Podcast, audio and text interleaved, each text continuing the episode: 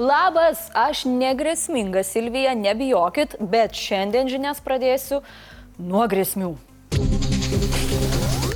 Šiandien VSD išleido ne neslaptus dokumentus apie kandidato į prezidentus nausėdos prašymus kažką patikrinti, o grėsmių Lietuvai ataskaitą. Joje sakoma, kad tarp didžiausių energetinių ir ekonominių grėsmių Lietuvai yra kinų bandymas vokti lietuviškas technologijas, verslo ryšiai su Rusija ir Baltarusija, linkėjimai Kauno merui, bei nuslipti incidentai Astravo atominėje elektrinėje. Taip, išgirdote teisingai, 22 metais Astravo jėgainėje nutiko incidentai, apie kuriuos Baltarusija nepranešė. Pavyzdžiui, balandį pirmasis elektrinės blokas buvo sustabdytas planiniam remontui.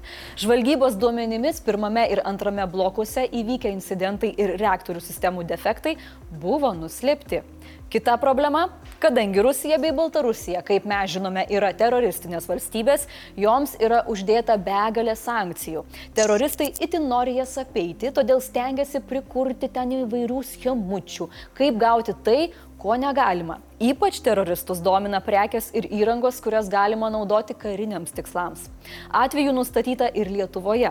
Pasinaudojant įmonėmis ir asmenimis buvo bandoma organizuoti karinėms reikmėms tinkamos vakarų įrangos ir jos komponentų tiekimą į Rusiją. Pažymima, kad kuriant verslus Rusijoje ar Baltarusijoje, Lietuvos verslininkai šiuose valstybėse siekia įgyti įtakingų asmenų ar institucijų palankumą, tiek pasinaudojant korupciją, tiek asmeninėmis pažintimis. Todėl tikėtina, kad mainais prašoma paslaugų ir iš verslininkų. Aišku, pati didžiausia grėsmė pati Rusija. Kremlius yra suinteresuotas pademonstruoti, kad Rusijos tarptautinė izolacija mažėja. Todėl visokios organizacijos ieško Lietuvoje asmenų norinčių dalyvauti Rusijos užsienio politiką teisinančiose tarptautiniuose renginiuose. Na žinot, tokių kaip įtartinos geltonos spalvos barzdos savininkas Kazimiras Juraitis ar jo mūza Erika Švenčioninė. Juos VSD irgi įvardyja kaip grėsmę Lietuvai. Didelė grėsmė vis dar išlieka Kaliningradas. Žvalgybos vertinimu Rusija siekia parengti Kaliningrado sritį visiškai izolacijai ir savarankiškam energetinės sistemos sistemos funkcionavimui. Lietuvos karinės žvalgybos vadovo pulkininko Elegijaus Paulavičiaus teigimu, Rusija yra pasiruošusi karą Ukrainoje tęsti dar bent dviejus metus. Išteklių užtektų tokio pat intensyvumo karui. O jei Iranas ir Šiaurės Koreja ir toliau tęs savo pagalbą, tai ir dar ilgiau.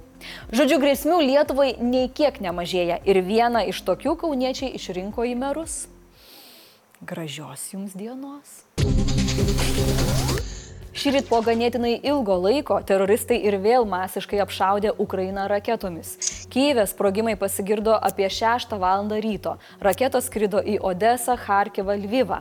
Jame žuvo mažiausiai 5 žmonės, dar vienas Dnipropetrovske. Dalyje Kievo, Harkive nebėra šildymo, dingo elektra. Be elektros liko ir Zaporižios atominė elektrinė. Jos veiklą palaiko atsarginiai dizeliniai generatoriai, kurių darbo į kūro lieka dešimčiai dienų.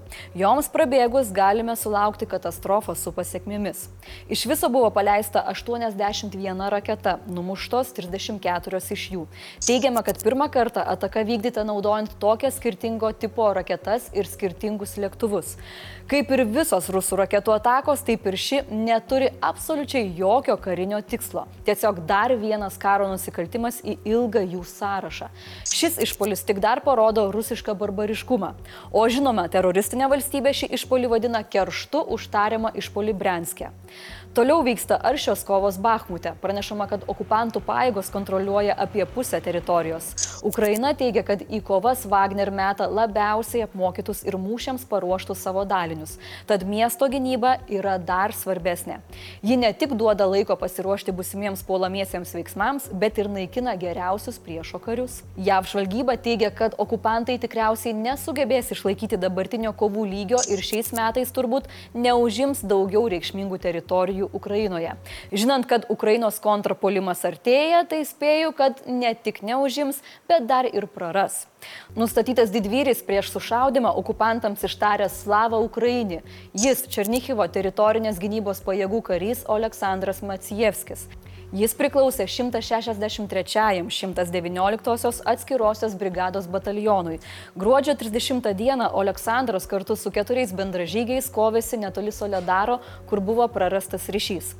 Tolimesni įvykiai nėra žinomi. Macijevskio palaikai Ukrainai buvo gražinti jau anksčiau. Artimieji atpažino jį morgę.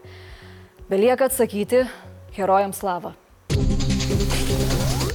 Po dviejų naktų aršių protestų ir smurto Sakartvelo gatvėse prorusiškas ir visuomenės pykti sukėlęs užsienio agentų įstatymas beveik atšauktas. Valdančioji partija pareiškė, kad besąlygiškai atsisakys kontroversiško projekto. Susitikimuose su visuomenė pažadėjo paaiškinti įstatymo tikslus ir kiekvieną detalę. Susitikimai įvyks, kai nurims aistros. Per protestus į gatves išleisti šimtai policijos pareigūnų, kurių daugelis turėjo riaušių malšinimo skidus, naudojo vandens patrankas ir ašarinės dujas.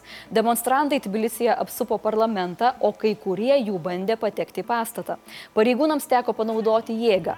Prie parlamento buvo suimti 77 protestuotojai, sužeista 50 policijos pareigūnų. Stebėtojai apskaičiavo, skaičiavo, kad demonstracijose dalyvavo apie 10-15 tūkstančių žmonių. Rusijos įkvėptą įstatymo projektą pateikė valdančioji partija Kartvelų svajonė. Bet Vladimirai Vladimirovičiau, seni triukai nebeveikia. ES delegacija Sakartvele pagyrė valdžios sprendimą, sveikino ir Ukrainos prezidentas Zelenskis, sakydamas, kad nėra ukrainiečio, kuris nelinkėtų sėkmės draugiškam Sakartvelui. Ukrainiečiai nori, kad Sakartvelas būtų ES. Apklausų duomenimis net 85 procentai Kartvelų sako, kad nori stoti į bendryją. Taigi nieko nuostabaus, kad išėjo į gatves. Šis kadras jau tapo ikonišku ir dar ilgai kels pykti vatnikams. Pasirodo, kad jūsų dėdė, kuris padauginęs per giminės balių pradėdavo aiškinti, kad bankai lopsta iš vargšų, buvo beveik teisus. Dėl milijardinius pelnus skaičiuojančių ir į biudžetą per mažai skiriančių bankų sunerimo ne tik jis, bet ir finansų ministrė Gintarė Skaistė. Taigi, bankieriai, laikykitės, pareina naujas mokestis. Maždaug prieš mėnesį ministerija ir Lietuvos bankas atkreipė dėmesį į maždaug 50 procentų augusi komercinių bankų pelną bei nenorą juo dalintis. Kitaip tariant, savo piniginės papildė, tačiau indėlių palūkanų nepadidino ir dar pradėjo kalbėti apie paslaugų įkainių kelimą netikėtas pelnas, kuris matyti ir patiems bankam yra netikėtas. Bankai perviršius laiko Europos centrinėme banke, o už tai gauna sočias palūkanas.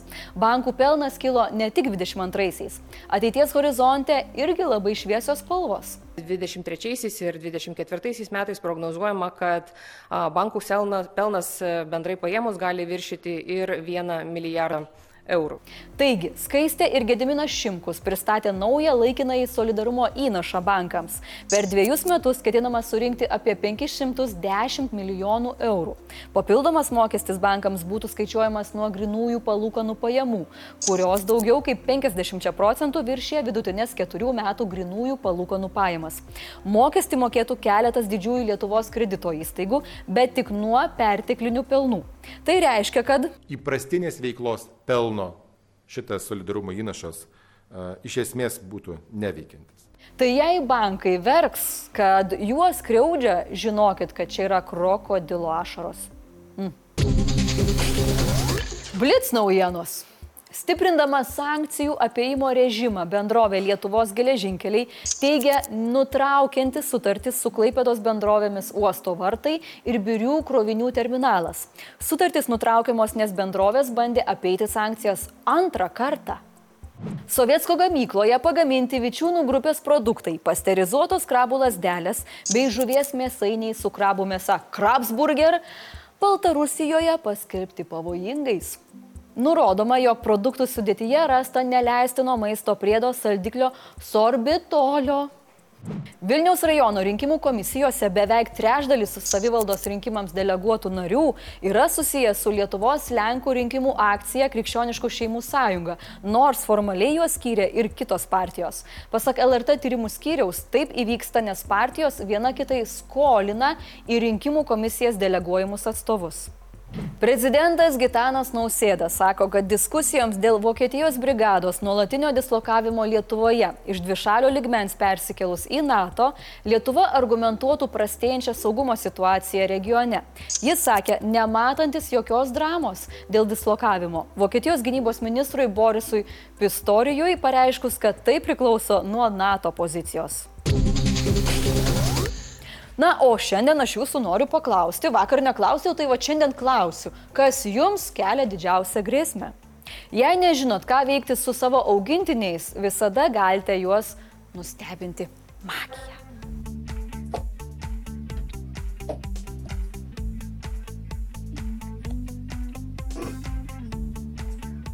Komentarų metas. Vakar po mūsų žiniomis prasidėjo, žinokit, tikras poezijos pavasaris. Jį pradėjo Arvis Arvidas, taigi leiskite padeklamuosiu. Jeigu man išeis, aišku, negaliu garantuoti. Nenašių neria novelė, Nijolė novatoriška, nekrečia niekuo neliečiamybė, nepjauna nuo namų. Nuopisa nurodė neveiks. Niekšai nugalėjo, nagrinėti nereikia. Na, Nasrų neužrėtė. Bravo, bravo. Na, o Justin pakomentavo, kad 1,2 procentus savo pajamų mokesčio skirs ne mums, o drėgnoms servetėlėms, kad nusivalyčiau savo makiažą. Justinai kažkaip nujaučiu, kad oi ne dėl to tas drėgnas servetėlės pirksi. Ir dar drėkinančio kremo nepamiršk. Tai gero artėjančio savaitgalio visiems. Ir tiek žinių.